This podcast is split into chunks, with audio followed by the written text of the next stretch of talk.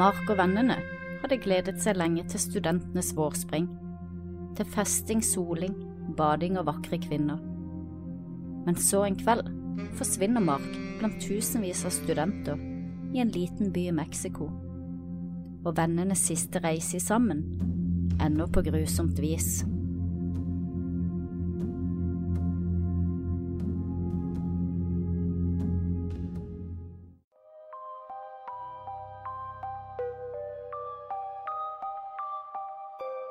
Deg godt til rette med noe godt i kroppen, og bli med inn i mord og mysteriers verden.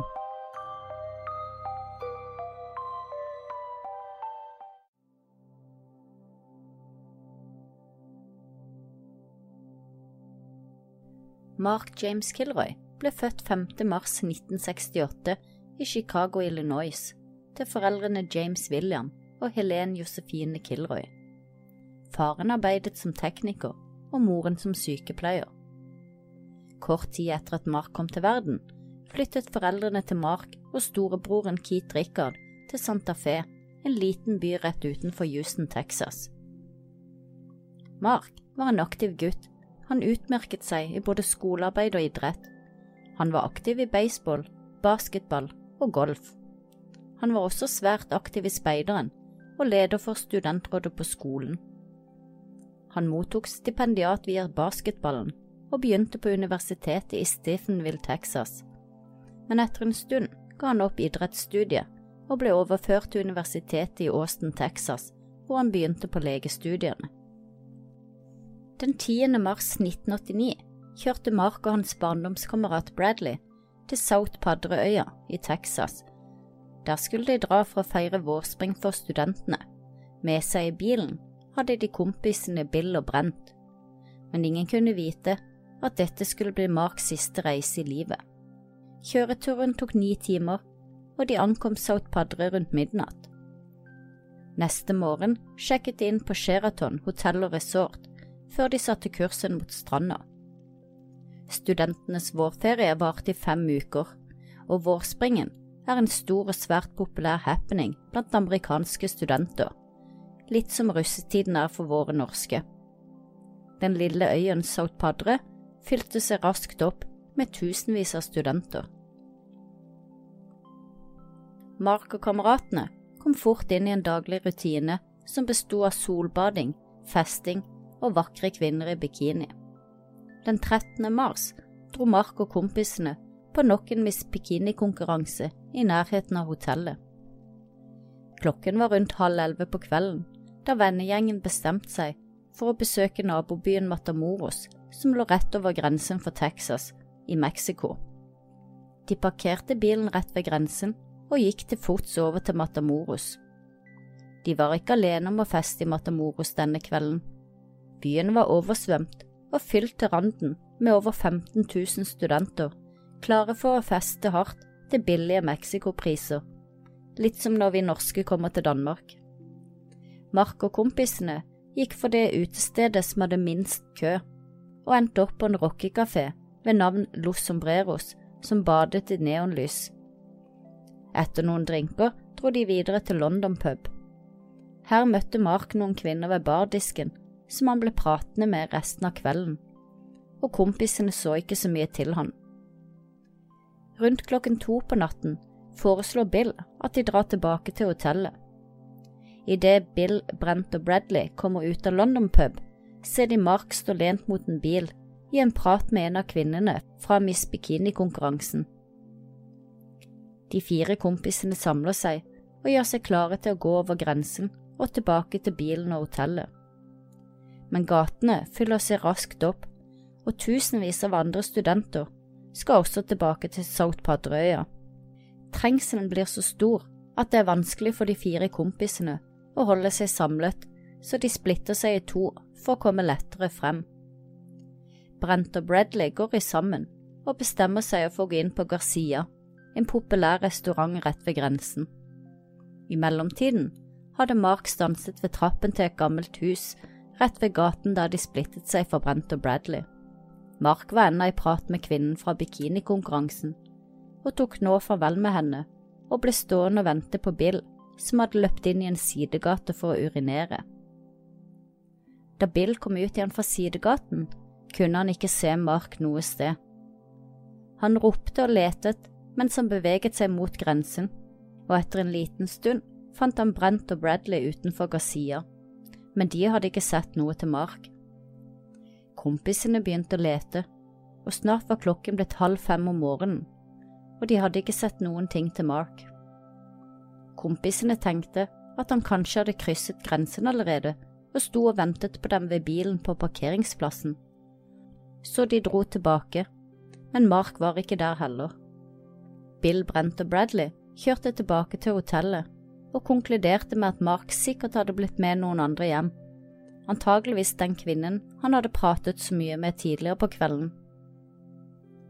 Da de våknet senere på dagen, var Mark ennå ikke kommet tilbake, og da han ikke hadde dukket opp eller gitt lyd fra seg utover dagen, tok kompisene kontakt med politiet og meldte ham savnet. Det var tidlig på dagen den 14. mars, da politiet i Matamoros mottok en savnet-melding på Mark Kilroy.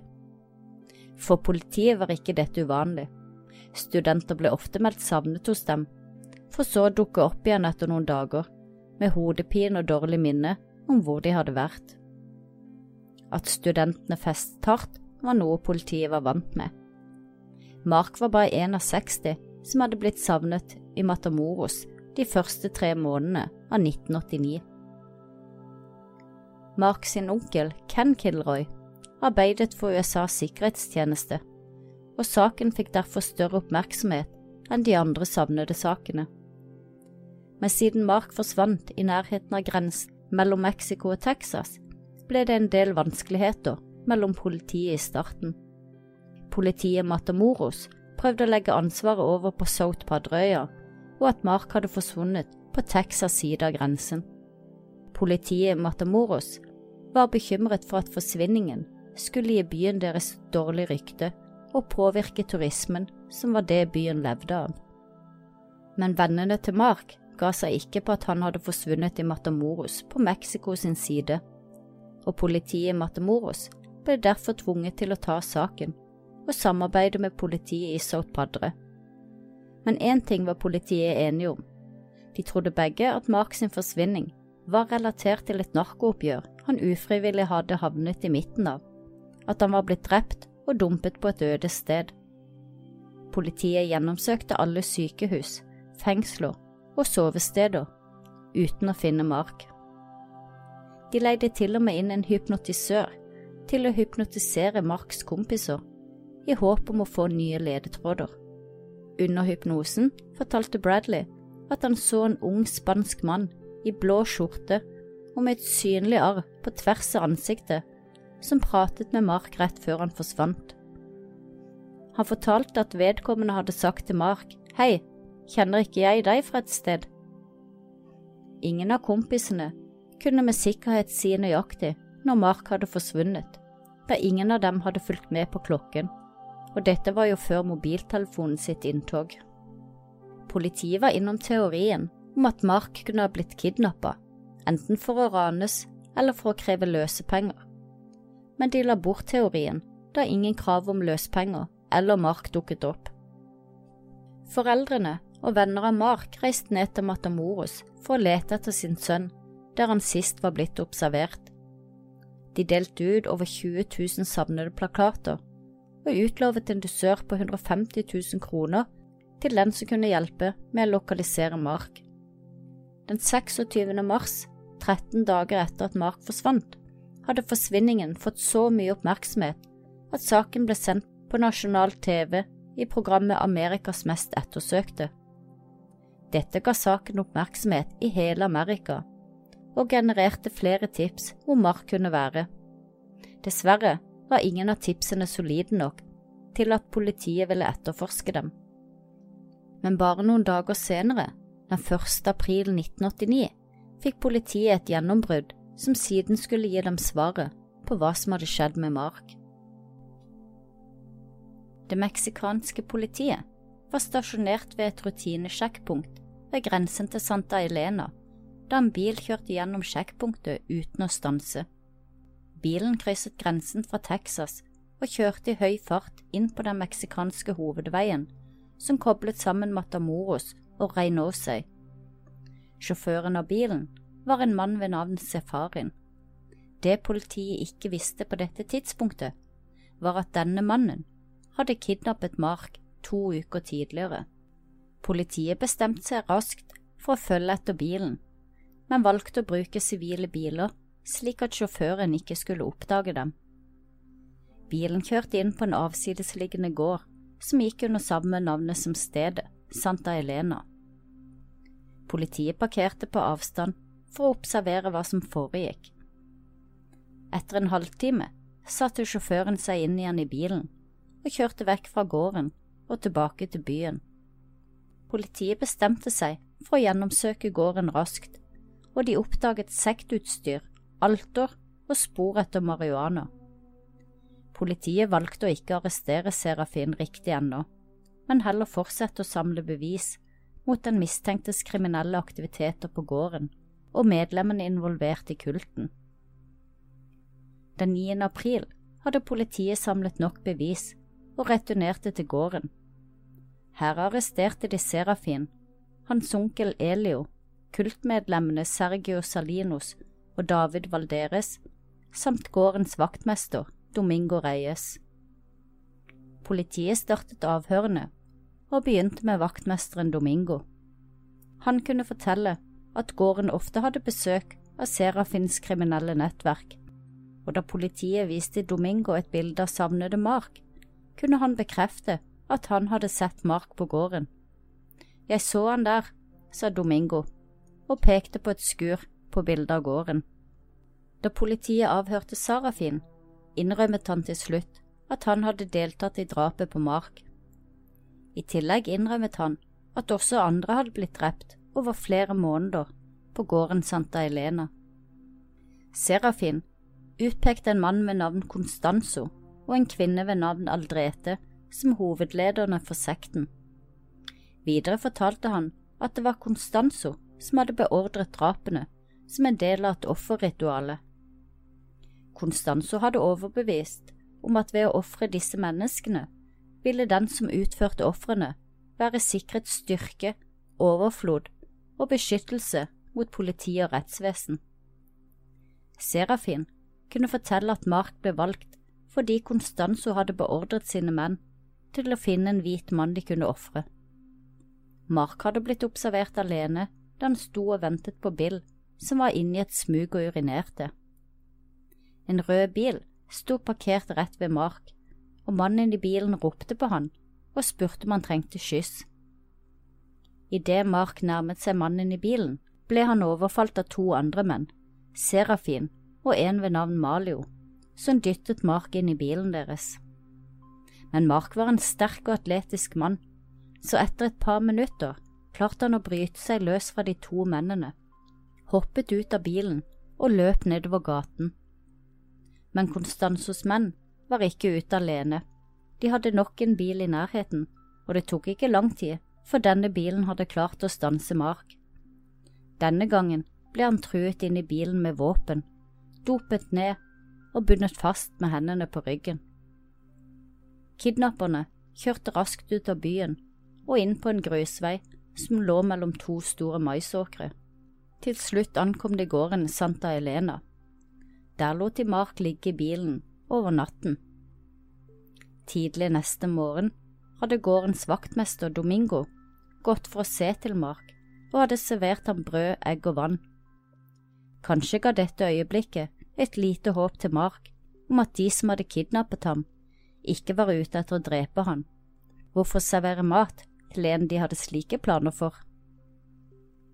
Tolv timer etter at Mark ble kidnappet, lukket Constanzo og hans menn opp døren til bilen, hvor Mark lå bakbundet. De surret ansiktet hans inn med gaffateip og ledet han gjennom en åker og opp til et skur. Gjennom natten ble Mark torturert og voldtatt på det groveste. Da morgenen ankom, førte de han ut i åkeren. Der ble han halshugd av Konstanza med en stor machete. Deretter kokte de hjernen hans i en afrikansk jerngryte, Marks føtter ble kuttet av over knærne, ikke som en del av offerritualet, men for å gjøre det enklere å begrave ham. Deretter plasserte de en ståltråd i ryggraden hans, slik at de kunne dra ut skjelettrestene når kroppen var ferdig forråtnet. Beinene skulle de bruke til å lage smykker. Så ble det gravd et hull i bakken, og Mark ble gravd ned. Den 11. april tok politiet med seg Serafin og de fire andre mistenkte tilbake til gården, og ba dem vise hvor levningene etter Mark og de andre ofrene lå. Deretter ble de beordret av væpnet politi om å grave opp levningene, et arbeid som tok mange timer. Da de var ferdige, hadde de gravd opp 15 levninger, og en av dem var Mark.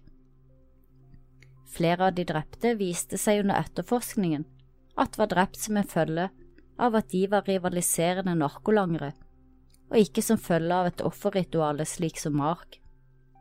I tillegg til alle de drepte, fant også politiet 110 kilo med marihuana, 108 gram kokain, 12 våpen og 11 kjøretøy og noen av dem hadde telefon installert. I den afrikanske jerngryten fant politiet rester etter menneskehjerne, mest sannsynlig Mark sin, et geitehode, kyllingføtter, en skilpadde, forskjellige urter, en hestesko og mynter blandet med menneskeblod. Politiet fant ingen bevis som tydet på at de spiste det Constanzo kokte i gryten sin.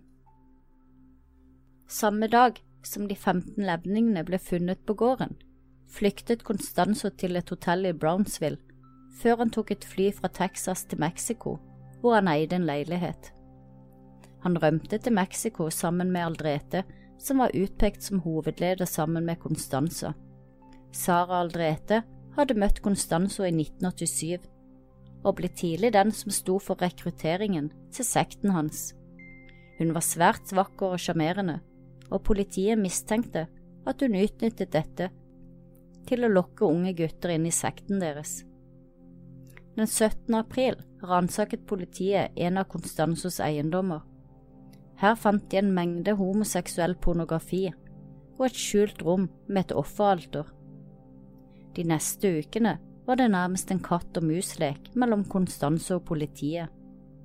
De fikk stadig tips om observasjoner gjort av både Konstanse og Aldrete, men fant dem ikke når de kom dit. Men så en dag fikk politiet et tips fra en skomaker som arbeidet på et kjøpesenter i byen Kuvaltemo. Han hevdet å ha sett en kvinne som matchet beskrivelsen av Sara Aldrete.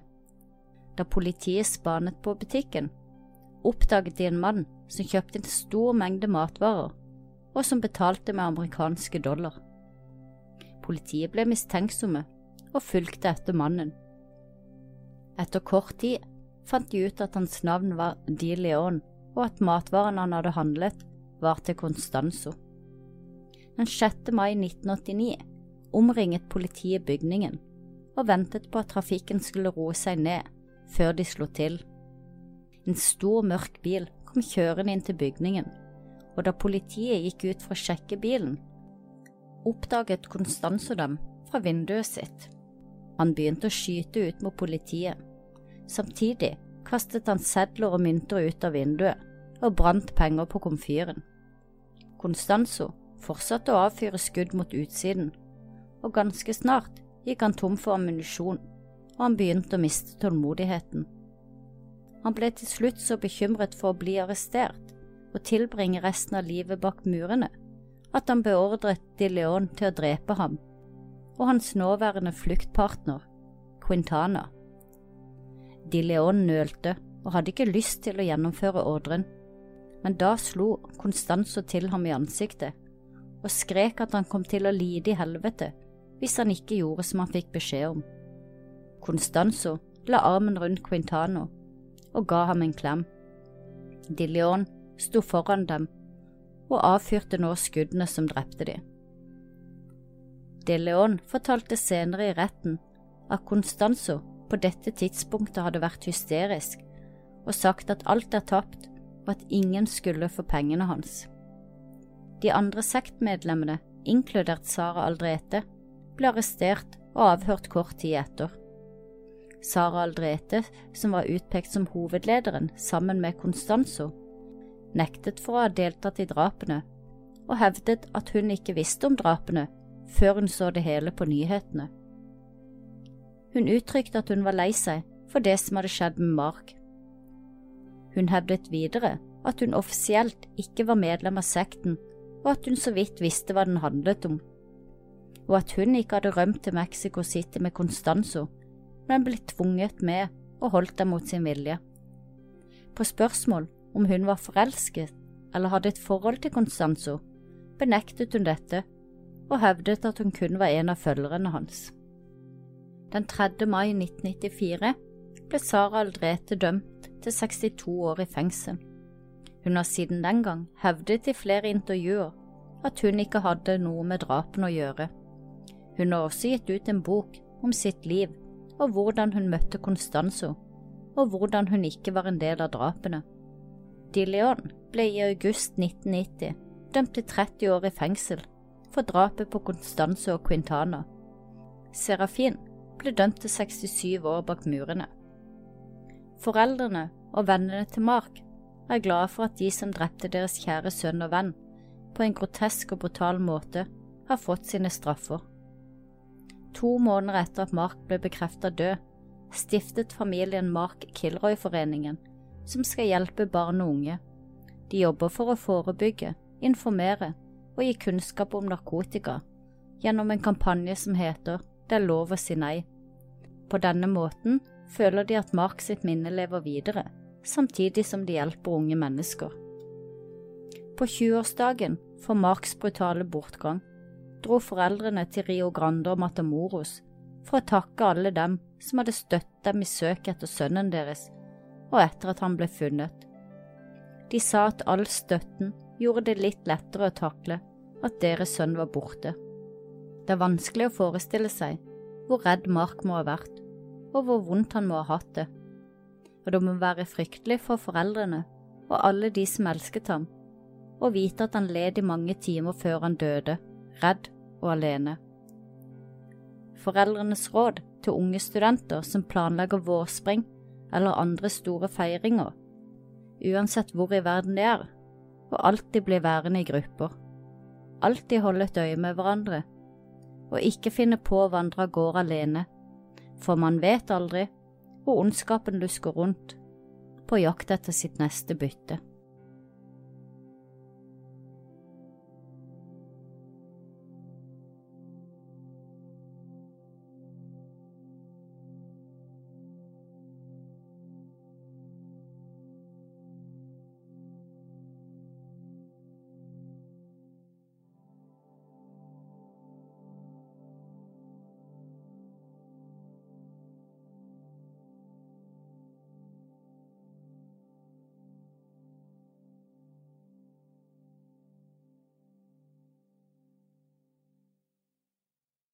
Har du et enkeltpersonforetak eller en liten bedrift? Da er du sikkert lei av å høre meg snakke om hvor enkelt det er med kvitteringer og bilag i fiken, så vi eh, gir oss her, vi.